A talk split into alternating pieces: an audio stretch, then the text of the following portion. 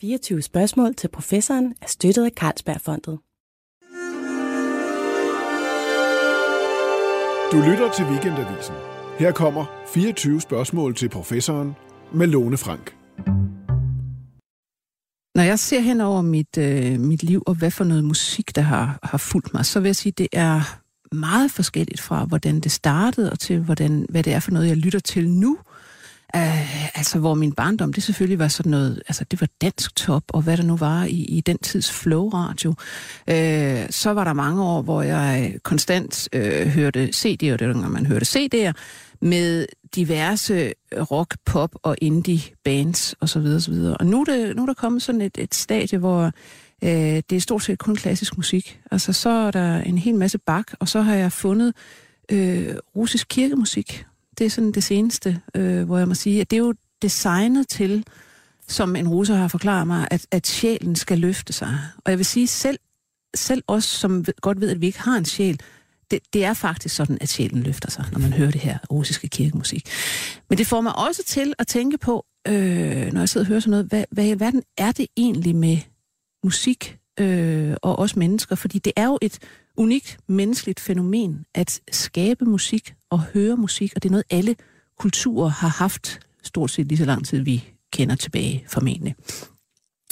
Og vi skal snakke i dag om, hvad det er med mennesker og musik, og hvad det gør ved os i hjernen simpelthen. Og øh, det har jeg inviteret en gæst, der ved rigtig meget om. Det er professor Peter Wust. Velkommen til dig. Tak for det. Du er professor både ved Aarhus Universitet og hjerneforsker der, og så ved Musikkonservatoriet. Yep. Og du er jo også i høj grad musiker. Jeg vil sige, da jeg ringede til dig i sin tid for at spørge, om du ville være med i det her program, der øh, havde du lige 10 minutter til at tale, fordi du skulle ud og spille på Jazzfestival. Yes. Så, så du er både udøvende og, og, og kigger også på musik fra sådan en, øh, en akademisk, naturvidenskabelig vinkel. Mm. Øh, og det bringer mig selvfølgelig til det første logiske spørgsmål. Hvordan, hvordan kommer en seriøs musiker ind i også at ville være hjerneforsker? Uh, det er jo en lang historie, men jeg skal gøre den så kort som muligt. Jamen, det behøver du sådan set ikke. Nej, men øh, det korte af det lange er, at øh, jeg har jo... Jeg faldt i musikgryden som barn. Altså, jeg voksede op i en familie, hvor vi havde klaver og så videre, og vi skulle lære at spille klaver, da vi var seks år, så startede vi på at, at, at lære, lære alt det, man skal der. Jeg havde det, men øh, nu er jeg jo ret glad for det. Men da jeg var en 13-14 år, så hørte jeg et nummer ved naboens bi, mm-hmm. som hun satte nogle hovedtelefoner på mit hoved, og jeg hørte det her nummer, og så tænkte jeg, det her det er det mest fantastiske, jeg har oplevet i mit liv. Det er det, jeg skal. Hvad var det for et nummer for det? Det var Paul McCartney, Venus and Mars. Okay. En plade der fra midten af Ja. 70'erne. Og øh, det, var, det var simpelthen så stort, så det måtte jeg, det måtte jeg forfølge. Øh, så det spørgsmål rejste sig allerede dengang. Hvad pokker er det, Mm. der gør det her i mig? For det er jo mærkeligt. Altså, det er jo nogle lydbølger. Mm. Det er jo svært at pege på, hvorfor vi har det, og dyrene ikke har det. Altså, er der en overlevelsesmæssig grund til, at vi har det? Så, så hele det spørgsmål har jeg altid synes var utrolig interessant. Men så skete der jo så det, at øh, jeg blev musiker på den ene side. Jeg spillede en hel masse jobs, da jeg var ung, men mm. jeg ville også tage en akademisk uddannelse. Så jeg øh, tog bifag i fransk, og hovedfag i matematik, og et ekstra bifag i musik. Og så gik der mange år, hvor jeg var, øh, hvor jeg var docent på konservatoriet, og, og underviste bassister simpelthen. Ja. Kontrabas, elbas, og musikteori og hørelærer og sådan noget. Og så fik jeg lyst til at skrive, ja, lave noget videnskab. Mm. Øh, jeg var meget interesseret i rytmik, og så søgte jeg et, øh, et øh, legat fra Kulturministeriets forskningsråd, og fik det overraskende for mig selv. Øh, og jeg skrev en bog om Miles Davis kvintet i 60'erne, øh, og deres rytmik, den måde, de kommunikerede med hinanden på. Ja. Det synes jeg var utrolig interessant at se. Kan man se i selve musikken, når man lytter det af, hvordan de kommunikerer. Mm-hmm. Øh, så det var det første spørgsmål, der ligesom rejste sig. Og så fik jeg en telefonopringning fra en professor, som jeg godt kendte en lille smule fra børnehaven. øh, altså, vores, altså ikke min børnehave, men øh, vores børns Nå, øh, okay. børnehave. Nå, det var ikke, fordi I, var gå, I havde gået i nej, børnehave nej, sammen. dog ikke, dog ikke. Men, men øh, han havde fået en masse penge, og han ville øh, spørge, om jeg ikke kunne tænke mig at komme op og lave en PhD hos, hos ham. Mm. Og faktisk i samme uge fik jeg tilbudt en PhD på Musikinstituttet til at lave en PhD hos dem. Og det ene var hjerneforskning, naturvidenskab, og det andet var humaniora. Og jeg tænkte, det der humaniora, det tror jeg godt, jeg kan finde ud af, så jeg tager det andet. Ja. Øh, og det skræmte mig egentlig for videre sans. Men øh, efterfølgende så øh, fandt jeg ud af, at det var faktisk var vejen til at måske at svare på det spørgsmål, som jeg stillede mig selv der som 13-14-årig. Ja. Hvorfor pokker har vi musik? Ja. Så det er sådan set konvergens af to øh, forskellige øh, uddannelser. Ja. Og så øh, skal vi selvfølgelig snakke frygtelig meget om, hvad det egentlig er, I går og laver mm. i hjerneforskningen med musik. Men, men, men lad os tage det her store spørgsmål først med, med netop, jamen, hvor kommer det fra? Altså fordi, altså vi er jo, ja, en art, der, der laver kunst på alle mulige måder. Kunstneriske udtryk fra fortællinger til altså billedkunst til alt muligt. Og, og musik ikke mindst. Og, og alle mulige former for musik og rytmer. Og, altså, der er ikke noget folk, der er for primitivt til at have musik og sang på en eller anden måde. Øh, og da det ikke er noget, man kender fra dyrene, så må man sige, hvad, altså, hvad, hvad, hvad kommer det ud af? Hvad er de evolutionære teorier for, hvorfor i alverden vi har det her? Altså, det er jo interessant, fordi øh, Darwin, han havde allerede en teori om det. Ja. Han sagde, det at score.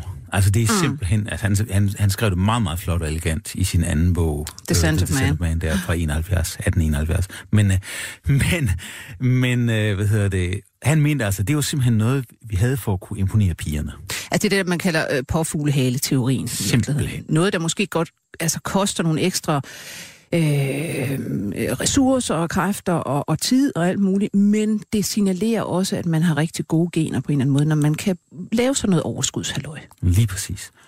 Og øh, det, det findes jo i, i dyreverdenen, hvis du nu siger påfugle øh, handler. Vi kender alle sammen historien, jo større og mere farvestrålen den er, jo bedre er den i stand til at få videreført lige præcis sine gener. Mm. Men den er virkelig dårlig at flygte med. Ja. Og den vokser kun i paringssæsonen, for ellers ville han simpelthen ikke øh, være i stand til at overleve. Så, og, og vi ved jo godt, at øh, det andet køn er ret interessant, når det står op på scenen. Ja, mm. Altså, pigerne skreg jo til Beatles, og det gør de jo. Det gør de gjorde de, stadigvæk. altså, det gjorde de jo også til de klassiske, ja. de store klassiske kunstnere og så videre. Øh, Øh, man, man fortæller jo om Frans Liszt, der, at han var en kæmpe kvinde ved år. Der er sådan nogle øh, utrolig interessante korstik, hvor, hvor, hvor, hvor kvinderne de doner, mm. og han sidder der og fører sig frem. Og det var nok også, nok også noget med håret, vil Det, jeg tro. det var også noget med ja, håret, garnet. Ja, Det ja. har altid været vigtigt. men, men altså, øh, ja, det var så også Beatles, det var også håret. Ja. Øh, men øh, så, så øh, og, og det, der jo er interessant, hvis man nu kigger på den her teori, nu er det jo teorier, som vi ikke rigtig kan... Øh, vi Svære eftervise. De er svære at eftervise. Det er, det, ja. der, det er lang tid siden, det her er sket. Ikke? Ja.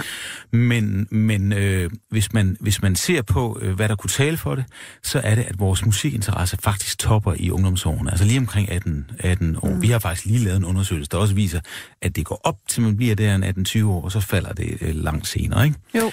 Og, øh, øh, og, og det er jo også der, man har brug for at søge mage. Ja. Øh, så øh, der er i hvert fald nogle ting, der taler for det. Det, der taler lidt imod det, sådan rent biologisk, øh, og nu er det jo det, vi er et ret komplekst dyr, Ja. så det behøver ikke være ligesom hos dyrene, men øh, hos dyrene er det næsten altid det ene køn, der tiltrækker vælger. det andet, og næsten altid Ja. hannerne, der har en speciel lækker sang. Eller, Ja, fordi det er hunderne, der er den begrænsende ressource. Ikke? Det er Jo. dem, der har æggene og skal præcis. føde ungerne osv., så, videre, så det er dem, der får lov at vælge. Ja, og vi ved jo godt, at altså, øh, både mænd og kvinder er interessant på scenen for det andet køn, så, og vi er lige gode til at udføre det. Øh, der er så i hvert fald inden for den rytmiske musik flere mænd, der spiller instrumenter, og flere kvinder, der synger, men, mm. men grundlæggende så øh, taler det lidt mod den der teori. Men der er jo også andre idéer. Der er andre teorier, ja. Øh, hvis vi skal tage den mindst sandsynlige teori, som dog alligevel er interessant. Øh, og interessant siger jeg, fordi alle de her teorier, de fører jo til en hel masse underspørgsmål, som kan være interessante at undersøge. Og egentlig så drejer al den forskning, som vi laver, det drejer sig øh, i sidste ende om de her teorier. Men den anden teori, som ikke er så sandsynlig, det er, at vi har musik ligesom dyrebørn. Mm. Øh, når dyrebørn, de slås med hinanden, så øh, øh, udvikler de nogle egenskaber, de kan bruge senere hen i livet til alt muligt Så forskelligt. det er en slags øvelse til noget. En slags øvelse, og, og for, for menneskene har man døbt den transfer-effekten, altså at man kan bruge nogle af de egenskaber, man får i musik, ved at lære at spille, eller ved at synge sammen, øh, eller klappe sammen, eller hvad man nu gør, og så øh, kan man, så dem kan man bruge senere hen øh, til noget andet, for eksempel at blive god til matematik, eller sprog, og så videre. Altså, jeg vil også lige sige, den, den lyder umiddelbart sådan lidt farfetched. Altså man tænker, hmm, Det, det er... det er en mærkelig altså, omvej, ikke? Ja, det er en mærkelig omvej, ikke? Men altså, hos, hos dyr er det jo helt klart, de leger, og det er også klart, at børn, de leger med musik. Altså, næsten alle børn, øh, fra de meget små, interesserer mm. sig for musik, øh, dyrker musik sammen som en social øh, ting. Så, så, og man har faktisk vist, at der er nogen, hvis man i hvert fald spiller på instrumenter, så udvikler man nogle bestemte egenskaber, som øh, for eksempel evnen til at kunne afkode sprogtone. Altså nu kan man godt sige, det er måske ikke så vigtigt, hvordan, hvordan siger man lige den her sætning, men faktisk ligger der utrolig meget information i den måde, vi siger øh, sætningerne på. Mm. Og det øh, kan man se, når man øh, ser på børn. Man har lavet en meget kontrolleret forsøg i Frankrig, hvor man øh, øh, tog øh, nogle dramaklasser og nogle musikklasser, og så på den efter, øh, fra, de var 9 til de var 11, og så på den før og efter, og faktisk målte objektivt på deres hjernebølger, mm. som man så populært kalder det. Ja, øh, og altså der kunne, EEG. Ja, EEG simpelthen. Øh, med EEG så kunne man simpelthen se, at når man så så på de her øh, toneændringer i sprog, så var musikerbørnene bedre, musikbørnene bedre efter Ja. at de havde fået den her undervisning i musik, og de var ens, at de to grupper var ens før, mm. og de to grupper var forskellige efter. Ja. Så, så der, er nogle, der er nogle ting, der udvikler sig. Men, Ja. men det farfetch kommer jo i, at, at øh, hvis jeg nu som matematiklærer, som jeg også har været en gang jo, øh, øh, sk- skulle vælge, om øh, mine elever skulle regne matematikopgaver for at blive bedre til matematik, Eller spille på lytte trommer. til, eller spille på trommer, Ja. ikke? så tror jeg godt, jeg ved, øh, hvad jeg vil vælge. Ja. Øh, så er der jo også en, en, øh, altså en anden klassisk slags teori, øh, som er sådan typisk Steven Pinker, den amerikanske psykolog. Øh, han har mange af sådan nogle teorier med, at, at de her ting, for eksempel forskellige former for øh, kunstnerisk udfoldelse og også musik, er noget, der ligesom er en bivirkning af, at hjernen nu er udviklet, som den er. Og at vi har nogle, øh, altså vi har nogle belønningscentre og, og ting, vi gør, som giver belønning via dopamin, der udløses i hjernen og forskellige andre ting. Ja, øh, altså det gør vi så mere af. Og så er musik en af de ting, der sådan tilfældigvis er kommet til at trykke på de knapper der. Mm. Altså at vi får bare en, en nydelse ud af at lave det her, selvom det måske ikke har en funktion i sig selv. Ja.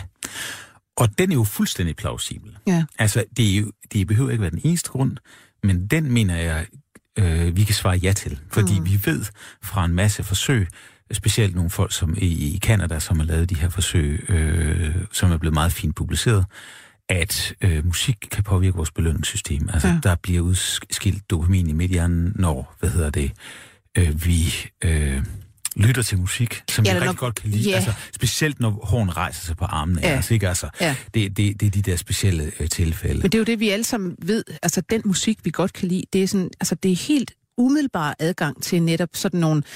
Altså det kan være lidt kokainagtigt. Eller, Ja. altså, altså det, ja, og nu vil jeg sige igen, den der russiske kirkemusik, øh, eller andre, altså nogle værker der med, med altså korværker og sådan noget, det kan, altså, ja, jeg kan svømme fuldstændig hen. Ja, og der er der jo en hel del forskere, øh, sådan af mere psykologisk karakter, som mener, at, det, at musikken i sig selv egentlig ikke gør noget. Mm. Det er alle de forskellige forbindelser, vi har til det, vi har oplevet i vores liv sammen med nogle bestemte typer musik.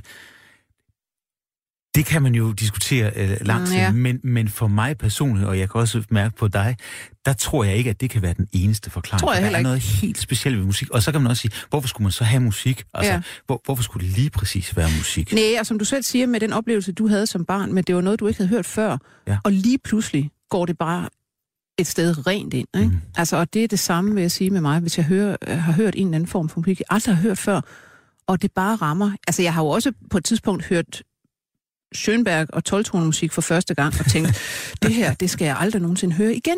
Ikke? Altså, så det Ja, er det ikke jo bare... har. ja, sjovt nok. Men han ville jo netop, og det, det er faktisk interessant, du siger det, fordi noget af det, vi jo skal tale om, det er det der med, hvordan musik skaber forventninger. Ja.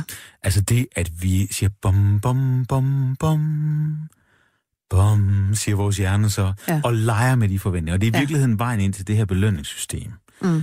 Øh, men Schönberg, Ja. han gik jo netop imod det. Han ville væk fra de der forventninger. Han ville ja. lave noget, der faktisk var næsten tilfældigt musik, men dog inden for et system.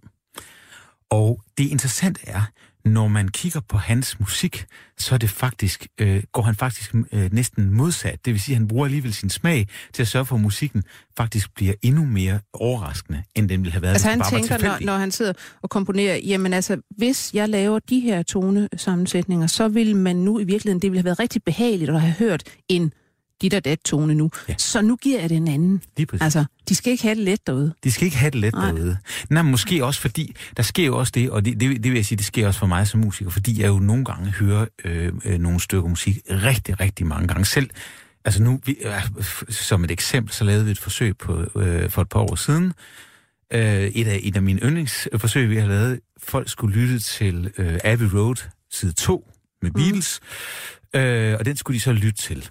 Og, og for nu at sikre mig, at det her forsøg øh, var validt og så videre, så lå jeg i scanneren syv gange øh, efter hende i træk og lyttede til det her, som er noget af det musik, jeg allerbedst kan lide. Ja. Jeg bliver nødt til at sige syvende gang, der var, havde jeg det altså lidt hårdt med det. Ja. Så man kan sige, som musiker, som komponist, så er det nogen, der vil man jo gerne ud af de rammer, som man egentlig skaber for sig selv. Nogle gange er det en spændende, tror jeg, hvad er de rammer. Ja. Og øh, jeg kan sagtens forstå hans ambition. Mm. Og, og øh, faktisk, hvis man lytter til det rigtig mange gange, så kan der også være noget utroligt dejligt i den der uforudsigelighed, der er i den type musik. Ja.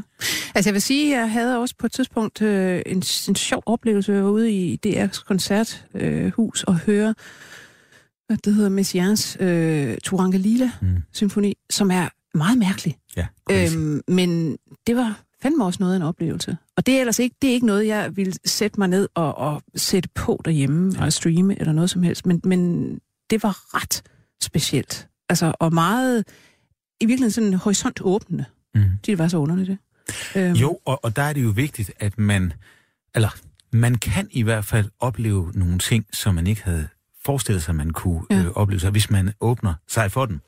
Og det er jo noget, jeg også har, har trænet mange af mine konservatoriestuderende i. I skal tage nogle stykker musik, det er vi forpligtet til som musikere, som I umiddelbart ikke kan lide, men som I godt ved har en kvalitet. Altså, øh, for mig er det jo typisk noget øh, John Coltrane, eller noget, der øh, fra en seneste periode. Jeg elsker mm, John ja. Coltrane, men det er nemmere at høre de første ting, end de se- seneste ting. Ikke? Og det, man kan gøre, det er, at man kan sætte sig ned, og når, øh, når man går til koncert, så kan man sætte sig ned og sige, okay, nu skal jeg lade være med at reagere imod det. Nu skal jeg forsøge bare at tage det ind. Og hvis man gør det, det er lidt hårdt lige i starten, fordi man har så meget lyst til at skubbe det væk fra sig hele tiden. Men hvis man gør det i starten, så kan man pludselig komme ind og tænke, wow, det her det er faktisk ret fantastisk. Det kræver lidt. Peter Wus, så synes jeg, vi skal øh, gå til det, I selv laver på dit center her. Øh, Center for Music in the Brain, som det hedder på dansk ved Aarhus Universitet. Ja, Øhm, et godt dansk. Ja, det er rigtig godt dansk.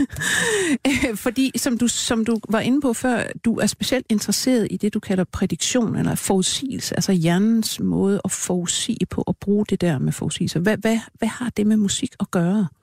Når man er musikteoretiker, som jeg også er. Jeg har undervist i musikteori rigtig mange år, både på universitetet og på øh, konservatoriet. Så øh, finder man ud af, at næsten al den etablerede musikteori, den handler om spænding og afspænding. Mm. Og det, der sker, det er, at man spiller for eksempel nogle akkorder, bum, bum, bum, bum, og så forventer vi, at der skal ske bum. Men så en gang, gang imellem gør musikken noget andet, den siger bum, bum, bum, bum, bum, for eksempel. Mm. Den der leg, både på det harmoniske plan, på det melodiske plan og på det rytmiske plan, som er de st- store ting inden for musikteori, den leg med forventninger, det skaber utrolig meget interessant musik. Og der er Mm. meget musik, der bare gør det her. Øh, man lægger måske ikke så meget mærke til det, men, øh, men man kan simpelthen øh, skille det ad, og så sige, det er det, der sker i musik. Og det der med øh, at forudsige fremtiden, altså forvente noget, det er meget interessant i, i forhold til det, vi talte om før, nemlig det overlevelsesbetingede. Mm. Fordi vores hjerner, mener vi nu om dage, er skabt til at forudsige fremtiden. Og det er faktisk et skifte, der er sket. Øh, det er ikke fordi, man ikke har tænkt over det i, i mange år, men det er et skifte, der er sket inden for de sidste 15-20 år, fra man tænkte på, at øh, det, der skete, når vi oplevede verden, det var en slags, at man lavede en repræsentation, man så ting, man, Mhm. man lugtede ting, man hørte ting, man, man oplevede verden, og så dannede der sig et billede i ens hjerne af det, til at man nu tænker, hele tiden, når vi oplever verden, så har vi en forventning til, hvad der skal ske.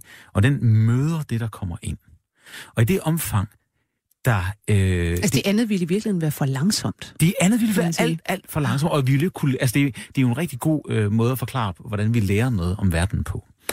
Øh, øh, fordi det, der så sker, når vi vokser op, det er, at vores forventninger bliver meget mere præcise, og så kan vi øh, afsætte andre ressourcer i hjernen mm. til, øh, til det, der virkelig er vigtigt, det, der ændrer sig. Og det er det, vi hele tiden i virkeligheden kalder autopilot. Vi får tilstrækkeligt mange input og oplevelser af noget til, at autopiloten et eller andet sted godt ved, nå, jamen, altså, når de begynder at sige sådan her, så sker der sådan her. Eller når de øh, gør sådan, jamen, så er det næste det her. Lige præcis. Til gengæld er det helt afgørende, at når der sker noget, vi ikke forventer, at vi så reagerer på det. Mm.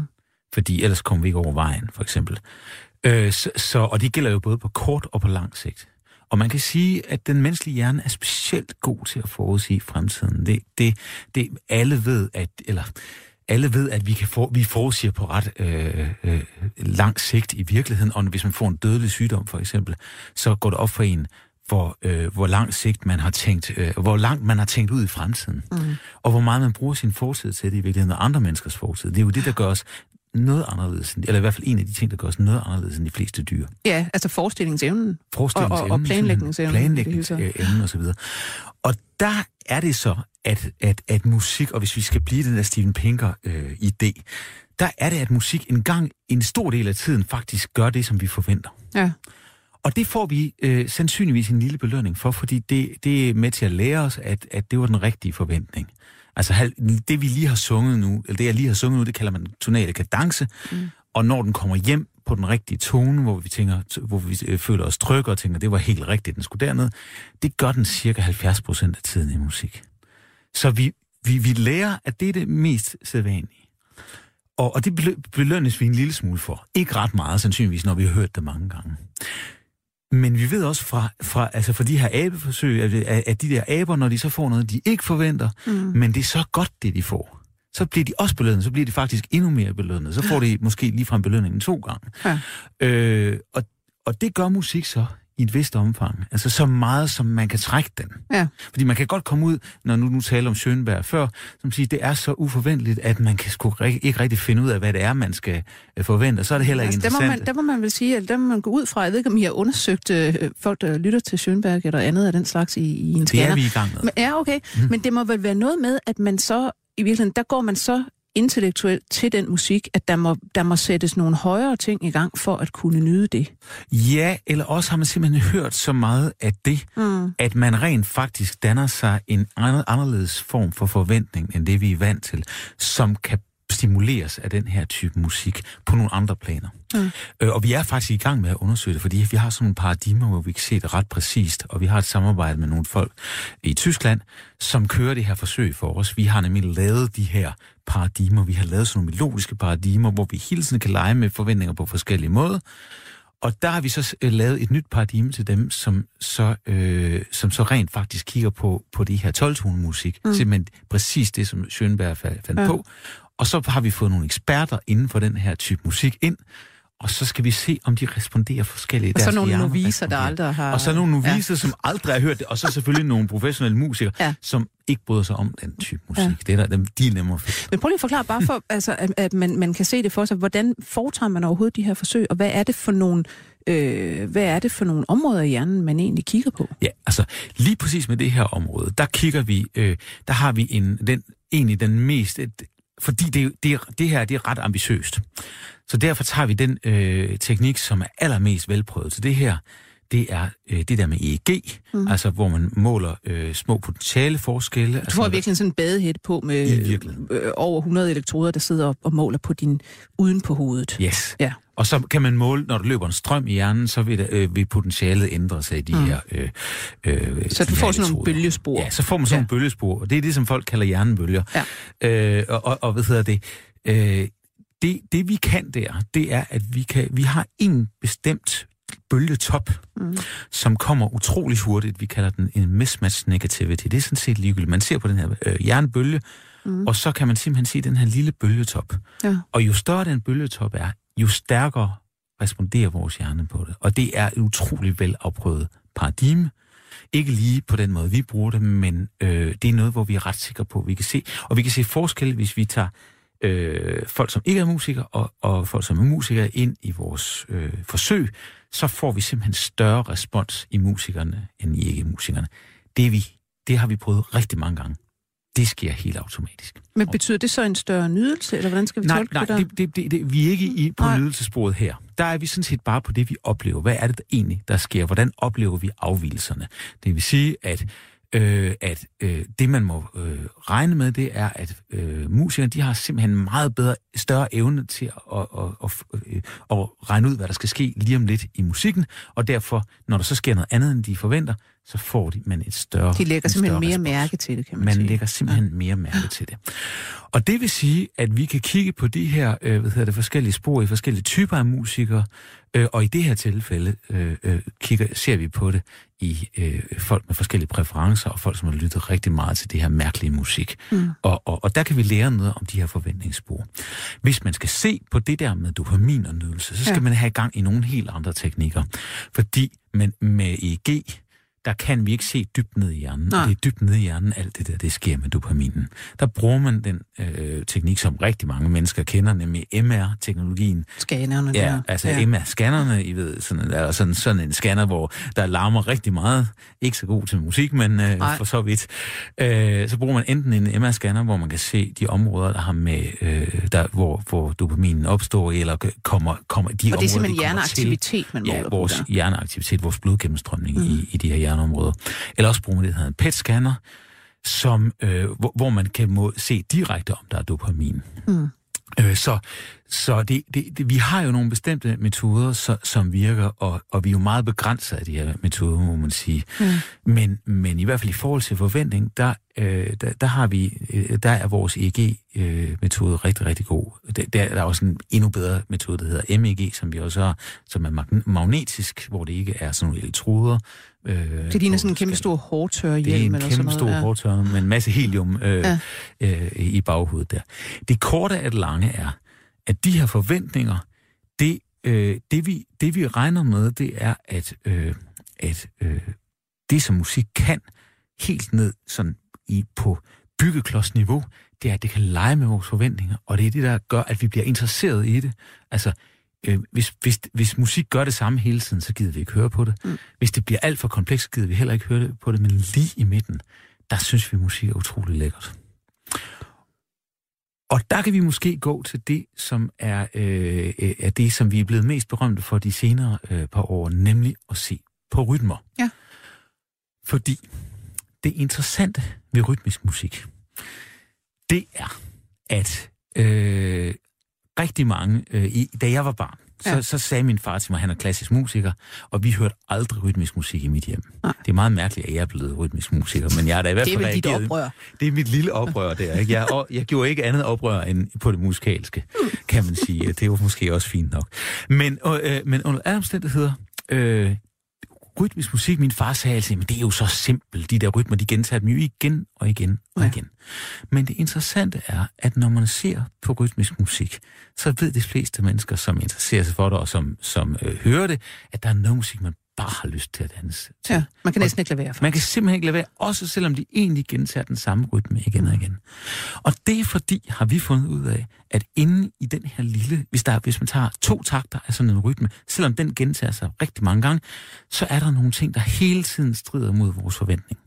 Vi kalder dem synkoper. Mm. Alle musikere kender det. Øh, det er, hvis jeg nu spiller dum, dum, dum, dum, dum, dum, dum, dum. De der, der kommer ligesom før det Ja. der slag, vi skal bevæge os til. Ja. Og der har vi vist, at der skal simpelthen være en ganske bestemt blanding øh, af, øh, af hvad hedder det, en, en rytme, hvor vi virkelig kan finde øh, hvad hedder det, hvor vi kan finde slagene, og så skal vi have tilstrækkeligt mange synkoper til, at vi får lyst til at sige, nej, her er slaget. Det er ikke Ja. der, hvor den der synkope er. Slaget er her. Ja. Og der får man simpelthen sådan et omvendt u. Et lille bitte område af de her rytmer, hvis man tager nogen, der har hvis man lægger dem i et kontinuum, hvor du har nogle meget øh, simple Enkle, rytmer, ja. og øh, helt frem til nogle rytmer, der er utrolig komplekse, så kan man se lige inde i midten, der pludselig er vi helt vilde med de her rytmer. Dem vil vi bare bevæge os til. Hele vores hjerne siger, jeg vil, ja, jeg vil ud på dansegulvet, ikke? Og det, det er scanningsstudier, I har lavet der? Ja, vi har både, se, vi har øh, både lavet mm. adfærdsstudier, Ja. og vi har, altså, hvor, hvor man spørger folk, og vi har lavet scanningsstudier. Og, øh, og det, øh, det, der er sagen øh, med det her, det er altså, at vi har det der lille sted, hvor, hvor, den ikke, hvor rytmen ikke er øh, for forudsigelig, øh, men heller ikke for mærkelig. Så der kan I kan i virkeligheden øh, udstede øh, retningslinjer til folk, der laver dance music af en eller anden slags. Hvis I skal have noget, Ja, der virkelig vi godt. igennem, så er det altså i det her område, I skal Ja. ligge. Det, det kunne vi godt, men de ved det godt i forvejen. Ja. Det er bare ikke altid, de rammer det. Nej. Øh, men er det er meget interessant at se, for eksempel hvis vi tager det, det, den sang, som hedder Happy. Cause I'm happy, clap Ja. along, if you feel like a room without a roof. Øh, den, den dansede vi jo alle sammen til. Ja. Jeg gjorde det kun i smug, fordi jeg, jeg, Ja, fordi- jeg forsøger at holde mig væk ja. fra dansegulvet. Jeg har aldrig været god til det der, men sådan, hvis man låser døren til Mm, så kan man godt. Ja. Men, men det interessante er her, at vi kan udstille øh, retningslinjer, og vi kan se, at det påvirker de her dybliggende øh, kerner i hjernen, som har med belønninger at gøre. Mm. Og øh, øh, det, det, der er interessant for os nu, det er, at vi sammen med nogle kanadiske forskere, faktisk de der kanadiske forskere, vi talte om før, der har vi så udviklet nogle, nogle nye paradigmer, hvor vi lige har fået nogle fantastiske resultater, der viser, at når man så tager en simpel rytme og sætter akkorder til, Ja. Så virker det simpelthen sådan, at akkord, så bliver vi faktisk endnu mere motiveret til at danse. Men når vi laver det, der hedder en, hvor vi laver nogle smarte, vi kan lave sådan nogle smarte tricks med vores statistik, så kan vi se, at, at øh, akkorderne virker ikke på, øh, på lysten til at bevæge sig direkte, men den virker gennem den øh, lystfølelse, mm. vi får. Det vil sige, øh, at der er en grund til, at man både har rytmer og, Og og akkorder, akkorder. i, hvad hedder det, i dansmusik også. Kom til at tænke på den der Gangnam Style, som pludselig kom ud af Korea, hvor man ellers ikke troede, der skulle komme noget af den slags fra, mm. og, og, og raserede dansegulvene alle Ja. steder. Øh, er det noget, I har testet? Altså, er, er den også lige der i det her Jamen, øh, sted, jeg har faktisk ikke, nu har jeg ikke lige tænkt på den, Mm. men jeg, jeg, var, øh, jeg blev faktisk spurgt om noget koreansk popmusik, fordi de er faktisk meget fremme, og Ja. ja. det er faktisk ved at blive hits i Ja. USA, mange Ja. ja. af de her ting. Og K-pop. de er faktisk, ja, K-pop, ja, Ja. ja, og de er faktisk super gode til at lave, de, de tager faktisk flere chancer med nogle af kompleksiteterne, som også skal til. Mm. Altså, hvor vi jo meget øh, i specielt i, i, i Danmark, der er vi meget sådan kontrolleret. Vi siger, okay, der er de fire akkorder, de har givet et hit til Rasmus Sebak, så prøver vi også de fire akkorder, Ja. ikke? Hvor koreanerne faktisk, som jeg hørte, øh, er, er villige til at tage nogle, nogle ret sjove øh, hvad det, chancer, som gør, at deres musik faktisk bliver interessant. Jeg tænker på, om, om det kan komme fra øh, altså deres musiktradition, som vel er en anden, altså er, end. Ja. end vores. Er den ikke også mere altså, øh, øh, tonalt kompleks, eller sådan i det hele taget, hvis man det- lytter til det der Altså umiddelbart, gamle nu er jeg ikke, jeg er ikke ekspert på... Jeg, jeg har hørt en masse kinesisk og en masse Ja. ja. japansk musik. Jeg har ikke hørt øh, så meget øh, typisk koreansk musik. Øh, jeg tror, de er rytmisk de har altid haft utrolig meget rytmik i, Mm, deres, ja. i, i deres musikstiler, og det giver jo typisk, øh, det kender vi jo fra den afrikanske musik, den kan jo virkelig invadere øh, vores musik. Så det giver vel også mere øre for det rent faktisk. Det giver mere øre for det. Jeg tror rent tonalt er det typisk for den, for den asiatiske musik, at de bruger øh, det pentatonskala, altså Mm. bum bum bum bum bum bum bum bum bum bum bum bum bum bum bum bum bum. Altså det, nu forsøger jeg at Mm. øh, lave en parodi på kinesisk musik. Jeg, Jeg synes, det kan- lyder nærmere som... Ja, ja, det er, mu- det er muligt.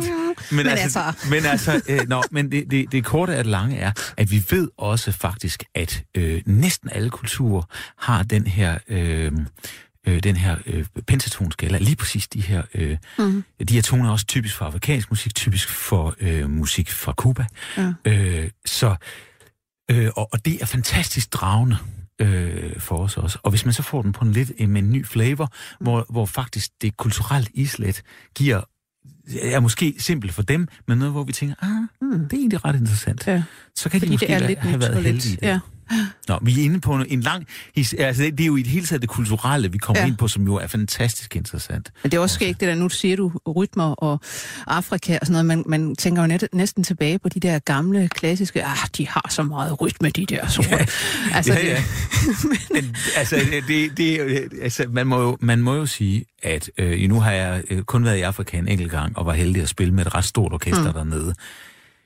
Det er, altså den rytmiske, øh, den, den motorvej af, Ja. af underdelinger og rytmik, som man kommer ind i sådan et orkester, det, er, altså, det, det, det kan vi ikke præstere Nej. herhjemme. Men det, jeg synes også, det er sjovt at tænke på, at, at nu du siger klassisk musik før, ikke? som ja. jo er sådan øh, i den vestlige verden, det vi sådan øh, altså definerer som, det er netop sådan fin og kompleks og, og civiliseret musik. Øh, men som du siger, det vi virkelig også nyder meget er rytmer, og om al musik kommer ligesom fra noget rytmisk i sin øh, altså i sin opståen. Ikke? Hvis man ja. går tilbage i, i forskellige kulturer, det har været noget rytmisk alt sammen. Og nu kommer vi så tilbage og siger, jamen altså, netop rytmisk musik, som vi kalder det, er noget, alle hører. Øhm, men det her med, at vi overhovedet altså, føler, at vi, vi må ligesom bevæge os til rytmer og sådan noget, det er jo igen, altså det er jo kun mennesker, der gør det. Det er kun mennesker, der og gør så øh, er der nogle, nogle, altså en enkelt papegøje, eller nogle papegøjer, og en enkelt søløve. Det er så interessant. Ja. Fordi, øh, som, som, altså, som alle ved, når man tager sine små babyer og sætter den foran en, øh, en højtaler med noget musik, så bevæger de sig til musikken. Altså, det er noget, der ligger meget dybt i os som mm. mennesker. Og de fleste mennesker, hvis der kommer noget, der ellers swinger, eller øh, har noget... Det kunne jo også være, at vi valgte de fire årstider, eller hvad som helst, så øh, får vi lyst til at bevæge os. Det er det, vores mm. fod begynder at køre. Ja. Vi får lyst til at bevæge os. Vi, det, det er noget, som for de langt de fleste dyr er det ikke en adfærd, vi observerer hvis man sætter musik på, man har prøvet med alle mulige øh, dyr, mm. og, og de, de bevæger sig ikke til musik. Nej. Bortset fra, øh, at man havde den her papegøjeart, som viser sig, det, hvis man går på nettet, kan man sige, den hedder Snowball øh, på YouTube, og, og den bevæger sig meget morsomt. Den, den har sådan en hovedbevægelse, ligesom sådan heavy, hvis, hvis man virkelig går til en heavy headbanging. koncert. He, headbanging. Og øh, den kan, man har undersøgt det helt præcis. Der er en forsker, som hedder Annie Patel, meget dygtig mm. forsker, som simpelthen har været inde og måle på, er det i virkeligheden i time. Og det er ikke super godt i time, det den, det den gør. Altså det, man kan lige, det, den, er, den er med på det. Den kan holde de fire slag i takten. Ja. Men vi som mennesker gør faktisk noget mere end de fire slag i takten. Vi har siger nemlig 1, 2, 3, 4. Så vi er stærk, svag, stærk, svag, og så videre. Og den, det, det kan man ikke observere i den her. Nå, men, men, men det var i hvert fald noget, at man diskuterede, hvorfor var det, og så tænkte man, grunden til det her er selvfølgelig, at de her papegøjer, de skal imitere. Så, så vi ved jo godt, at de kan jo sige nogle, øh, sige, de kan ikke efterabe mennesker, ja. ikke? og sige nogle sætninger, og det er utroligt interessant og sjovt. Og det, er jo, det betyder, at de får noget ind i ørerne, som de omsætter til noget, øh, deres motoriske system kan, øh, kan udføre. Og så siger de, at selvfølgelig det er også det, vi skal, når vi skal lytte til musik. Vi lytter til noget musik, og så uddrager vi den der rytme, og så bevæger, os vi, mm. øh, be, be, bevæger vi os til det. Og det synes man jo var en god forklaring lige indtil øh, forrige år i San Francisco, der var der en forsker, som hedder Peter Cook, som viste øh, en, en øh, søløve, han havde trænet som var meget bedre end den her papegøje. Den var simpelthen, den havde så meget rytme. Den har så meget rytme, og han, det han gjorde, det var, at han tog et Earth, Wind Fire nummer, mm. og han satte det op og ned i tempo. Han havde lært den det her, og hvad hedder det, den kunne bevæge sig sit hoved, den head, headbangede til det her på en meget fin, eller det var sådan mere jazz-nakke, du ved, sådan frem okay. og tilbage med, ja, ja. med nakken, ikke? Den kunne så ikke sidde og, og slå sig på lårene. Nej, det kunne den øh, ikke. Det, det, det, var det så, ikke så god til. Men det, der er det interessante, den hjerne, scannede man sig efterfølgende, mm. efterfølgende, og den har stort set ikke nogen forbindelser mellem det her øh, auditive og det mm. motoriske, som ellers skulle være nødvendigt for det. Så der røg den teori mere eller mindre på jorden, som man mm. havde før. Så nu skal man have tænkt over, hvorfor det var. Det er meget vigtigt at sige, at den gør det ikke automatisk. Det er mm. noget, den bliver trænet til, den bliver oplært, og der skulle rigtig mange sild til. Ja. Øh, altså nu har vi snakket om, øh, jamen, vi, vi, vi har sådan en, en naturlig trang til at bevæge os til musik. Vi, vi kan øh, vi, vi kan godt lide musik, vi får noget ud af nydelse osv. Men altså, man forsker jo også meget i dag i, jamen, gør musik noget sådan, øh, altså gør det noget konkret ved vores hjerner, og gør det noget i, ved vores sundhed og sådan mm. nogle ting. Øh, og det er I vel også øh, inde i det område, eller har været? Det, det er vi helt sikkert øh, meget interesseret i. Øh, hvis vi bare lige tager det der med det motoriske, så... Øh, øh, er, de jo, er der jo nogle øh, sygdomme, som ligger lige for, altså Parkinson for, for mm. eksempel. Mm. Man ved jo, at der er en del af, af Parkinson-patienterne, der, der fryser. Ja. Øh, man kalder dem freezer. Og, og det de er ikke i gang ja, de, kan, de, kan, de, kan ikke, de stopper bevægelsen, så kan de ikke komme i gang. Og der har man i mange år vidst, at hvis, øh, hvis øh, lægen så gør sådan her, så, kan, øh, så begynder de at gå igen. Mm. Og det er altså ligesom den der igangsættende effekt, som jo præcist kommer af, at vi kan oversætte det, vi hører, til, til bevægelse, og specielt bevægelse i, i, i takt. Så der er, det, der er det jo helt oplagt at, at spørge sig selv, kan man rent faktisk øh, bruge musik mm. og musikalsk træning måske til at hjælpe dem? Og øh, de undersøgelser, der har været indtil nu, tyder på, at man, hvis, man, hvis man laver en helt bestemt rytmisk træning, den er ikke så musikalsk, men det er en rytmisk træning, mm. så øh, bliver de bedre til at bevæge sig i takt. Og øh, det er faktisk, øh, hvis man øh, træner dem i fem uger, så vil de faktisk i tre uger efter øh, bibeholde den her øh, effekt før de er nede øh, på det igen. Så, så øh, det er jo helt oplagt at spørge, kan musik noget? Fordi vi ved, at musik kan påvirke vores hjerne på mange forskellige måder. Og det er jo så den motoriske påvirkning. Men øh, langt det mest øh, øh, oplagte er at se på den øh, emotionelle påvirkning mm. af os. Altså, fordi grund til, at vi lytter til musik, er jo emotionelt. Ja. Musik kan, kan belønne os, men det kan også en masse andre ting. Det kan, det kan lindre vores sorg. Øh, øh, det, det, øh, vi, vi hører jo musik for at, at få øh, op, op, eller opleve følelser, ja. som vi for mange, i mange tilfælde ikke kan opleve andre steder end musikken. Mm. Øh, og, og der, der kan man jo, der er mange områder, hvor der faktisk er en god evidens for, at, at musik kan bruges til noget. Øh, vi har arbejdet meget med smerte, og, og smerteområdet er præcis et område, hvor vi er helt sikre på, at når man lytter til musik, som man godt kan lide, det er vigtigt, mm. godt kan lide, så, øh, øh, så føler vi simpelthen øh, mindre smerte. Ja. Det kan være, at vi bliver afledt, men sandsynligvis så har det også noget med på den måde, vores øh, sympatiske og parasympatiske nervesystem øh, virker på det, om vi kommer op i gear eller ned i gear. Og... Altså man ved jo også, altså der er jo folk, der laver forsøg med for eksempel, øh, altså hvis lad os sige, det er smertepatienter, mm. øh, typisk kroniske smertepatienter, man, man forsker på med det her, fordi man prøver jo alt for at finde ud af, altså, hvordan kan man modvirke de her øh, kroniske smertesignaler, der kommer. Ikke? Og altså, man kan gøre det ved distraktion på forskellige vis. Ikke?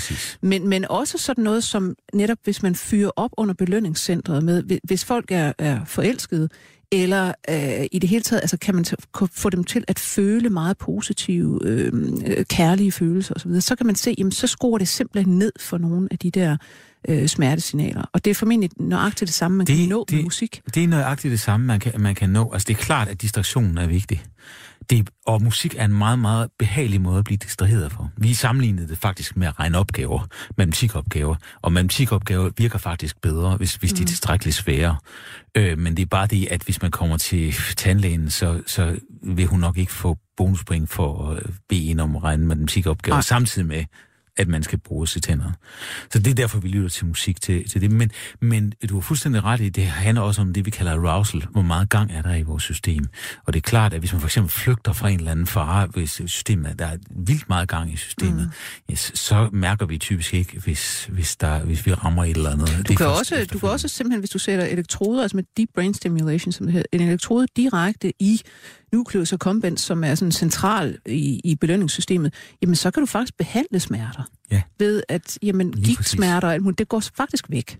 Ja, det er selvfølgelig, og det er jo noget, man, det er jo noget, man gør, og faktisk også bruger man jo også til, til Parkinson-patienter. Det er en lidt risikabel, øh, hvad hedder det, øh, et, et lidt risikabelt indgreb, ja. så det skal være virkelig slemt. Mm. Men under alle omstændigheder, øh, vi er meget interesserede i, hvad musik kan øh, på den front. Og, og hvis man nu ser på, øh, på smerteområdet, så er det et ret godt eksempel, fordi noget af det, man ved, vi har, vi har arbejdet med folk, som har kroniske smerter, for eksempel. Og øh, de spiser meget smertestillende medicin. Mm.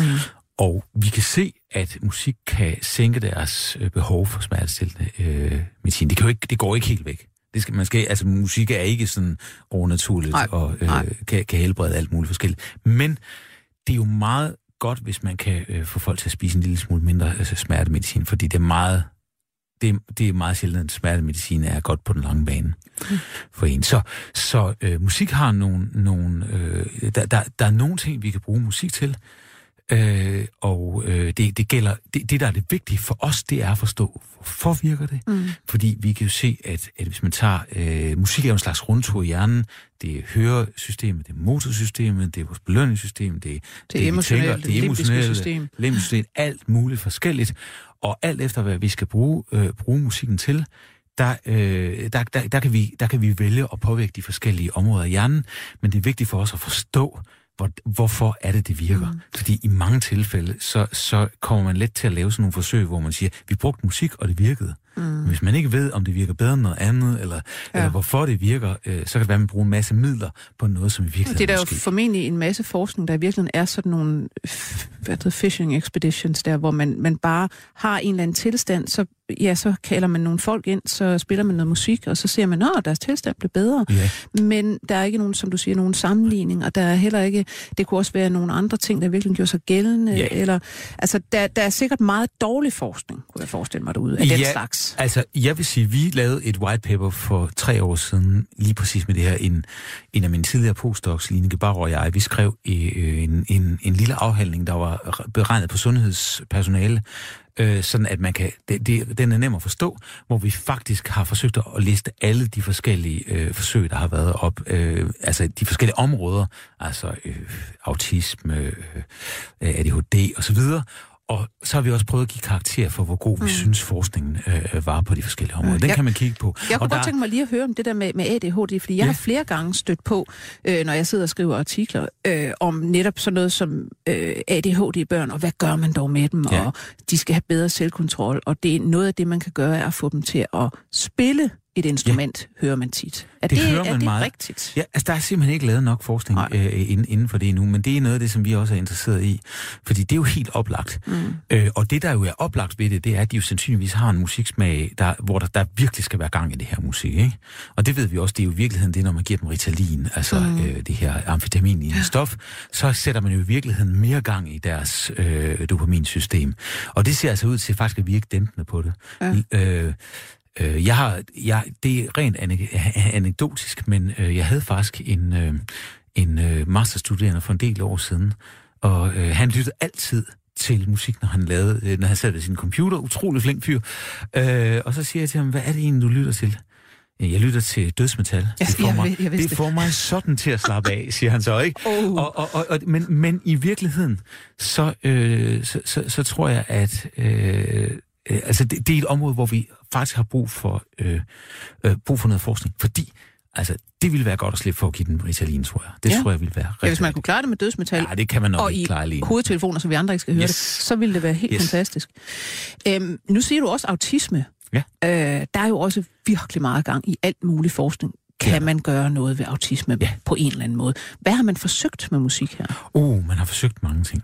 Jeg tror, jeg skal være helt ærlig at sige, det er meget lidt, man kan gøre ved, mm. ved autisme. Altså, fordi det er altså en øh, til synligheden ret hardwired øh, øh, øh, sygdom. Udviklingsforstyrrelse, Ja, men ja. ja. det, der er utroligt ved, ved musik og autisme, og det har vi lavet øh, flere forsøg, øh, der viser, øh, det er, at hvor, øhm, hvor de har svært ved at afkode følelser i mange andre stimuli. Altså hvis man viser dem ansigter, glade mm. og sure ansigter, så er de rigtig mange af dem svært ved at sige, er, er det det ene eller det andet. Ja. Der er de utroligt øh, skarpe i forhold til at øh, afkode følelser i musik, og de holder meget af musik, mm. og mange af dem er ret gode til musik.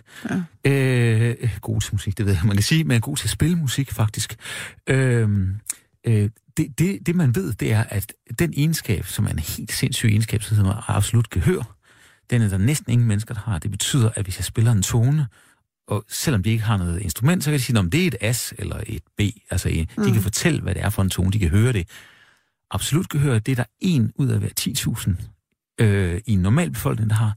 Det mener man er mellem 1 og 5 procent af autisterne, der har. Det vil sige, de har, og det, det, der er det smukke ved det, det er, at man her tilbyder et område, hvorpå øh, øh, folk med autisme kan excellere. Mm. Og område, hvor de kan føle sig normale følelsesmæssigt. Jamen, det sjove er jo også, når man netop, man, man siger altid, ja, men autisme, det er noget med, at de, de har ikke empati, og de kan ikke rigtig afkode følelser, og det er ligesom, der ligger i det, de har ikke følelser, hvilket er noget vrøvl. Det er noget altså, vrøvl. folk, der arbejder med, med, med autister, siger til, ofte, at jamen, der, der, det vælter rundt med følelser inde i dem. Det, det Og der er det smukke svært ved at det. udtrykke. Og, og det vi har vist, det er, at vi har så vist, at når man ser på deres hjerner, når de lytter til øh, musik, som har et følelsesmæssigt indhold, så kan vi se præcis det normale følelsesmæssige system. Hele svineriet Mm. er repræsenteret i de her autister. Ja.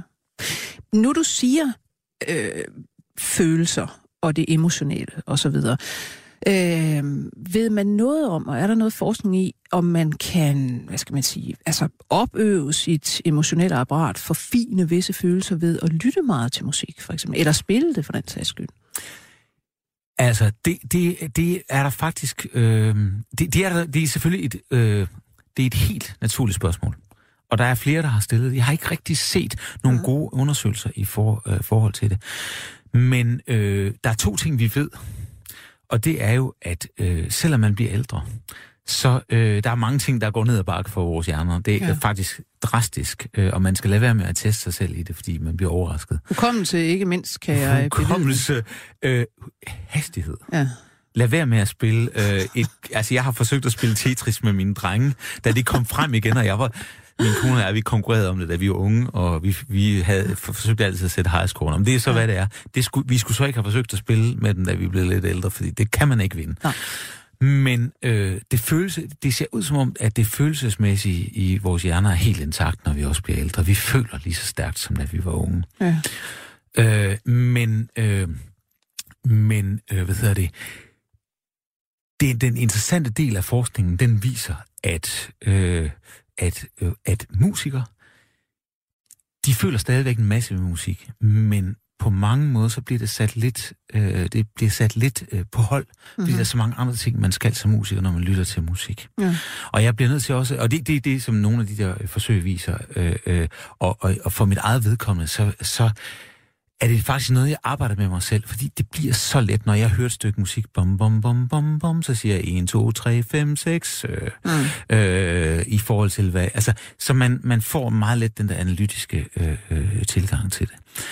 Øh, jeg tror som sådan, at det følelsesmæssige system, og det er en rent trosag, jeg ved ja. faktisk for lidt om det, men ja. jeg tror, det følelsesmæssige system, det er så dybt øh, kodet i os, at det er ikke noget, vi træner som sådan. Det er noget, som vi på mange måder... Øh, Jamen, jeg tænker på, at selvfølgelig har vi det alle sammen, men jeg forestiller mig jo, at øh, man ligesom med, lad os sige, hvis man læser en masse litteratur, mm. ved man noget om, at jamen, så ligesom om den empatiske evne bliver bedre, man kan simulere alle mulige situationer osv. osv. Altså, men at, jeg kunne forestille mig, at der ville være forskel måske i følelsesapparatet mellem mennesker, der har hørt meget musik gennem livet, og mennesker, der ikke har, eller nogen, der er blevet udsat for det meget som børn, eller ikke. Men det er måske sådan noget, man ikke ved endnu. Det må vi jo undersøge. Jamen, Fordi, det kunne jeg faktisk øh, godt tænke mig, og, og at, at er, nogen gik og jeg vil, jeg vil også sige, der er, der er en del øh, undersøgelser med empati.